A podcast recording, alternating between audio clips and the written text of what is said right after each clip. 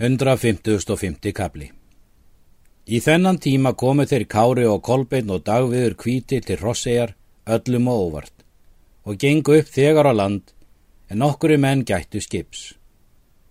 Kári og þeir félagar gengu upp til Jarls bæjarins og komu að höllinni um drikju.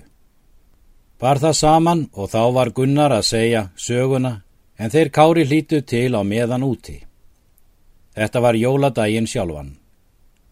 Sigtryggur konungur spurði, hversu þóldi skarpjön í brennunni? Vel fyrst lengi, saði Gunnar, en þó laug svo að hann grétt. Og um allar sagnir hallaða mjög til en lóf í það frá.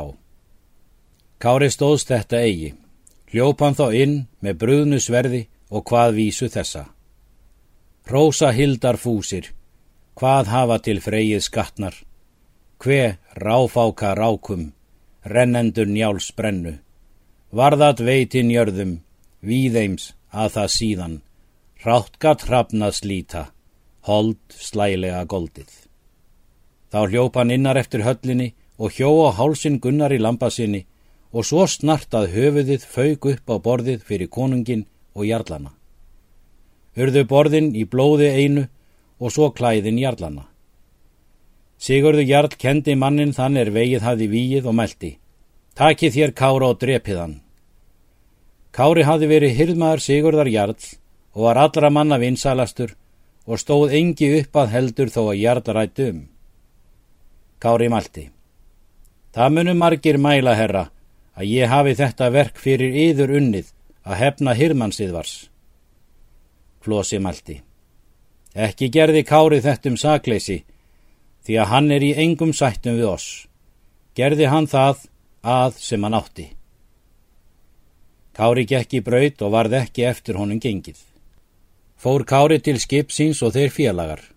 Var þá veður gott. Sildu þeir söður til Katanes og fóru upp í Þrasvík til göfugsmanns er skeggi hétt og voru með honum mjög lengi. Þeir í orkni um hreinsuðu borðin og báru útinn dauða. Jarli var sagt að þeir hefðu silt söður til Skotlands. Sigtryggur konungur mælti. Þessi var herðimaður mikill fyrir sér, er svo rösklega vann að og sást ekki fyrir. Sigurður Jarl svaraði. Engum mann er kári líkur í kvatleik sínum og áræði. Flósi tók nú til og sagði söguna frá brennunni. Bar hann öllum vel og var því trúað.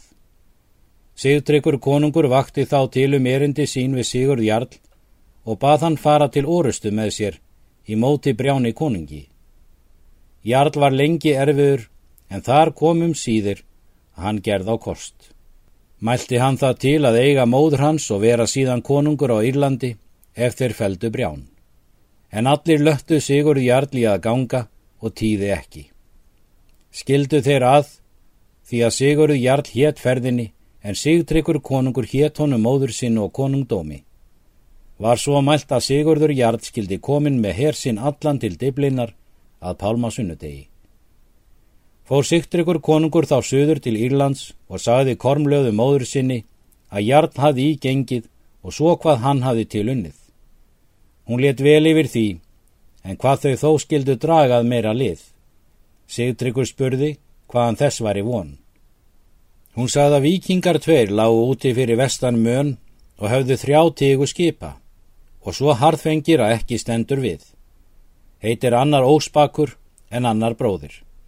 Þú skalt fara til móts við þá og lát ekki aðskorta að koma þeim í með þér hvað sem þeir mæla til.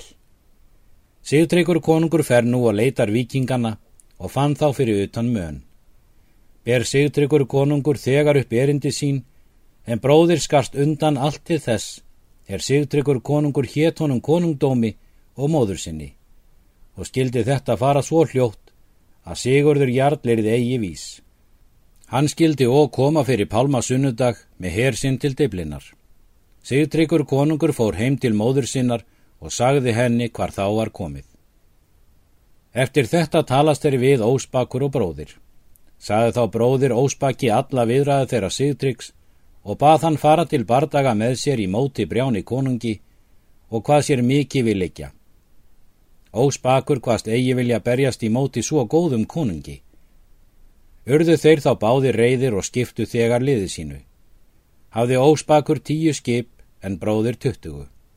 Óspakur var heiðin og allra manna vitrastur. Hann lagði skip sín inn á sundið en bróðir lág fyrir utan. Bróðir hafði verið maður kristinn og messu djáknað vikslu en hann hafði kastað trúsinni og gerðist guð nýðingur og blótaði nú heiðnar vættir og var allra manna fjölkunnugastur. Hann hafði herbúna þann er eigi byttu járn. Hann var bæði mikill og sterkur og hafði hár svo mikill að hann drap undir belti sér. Það var svart.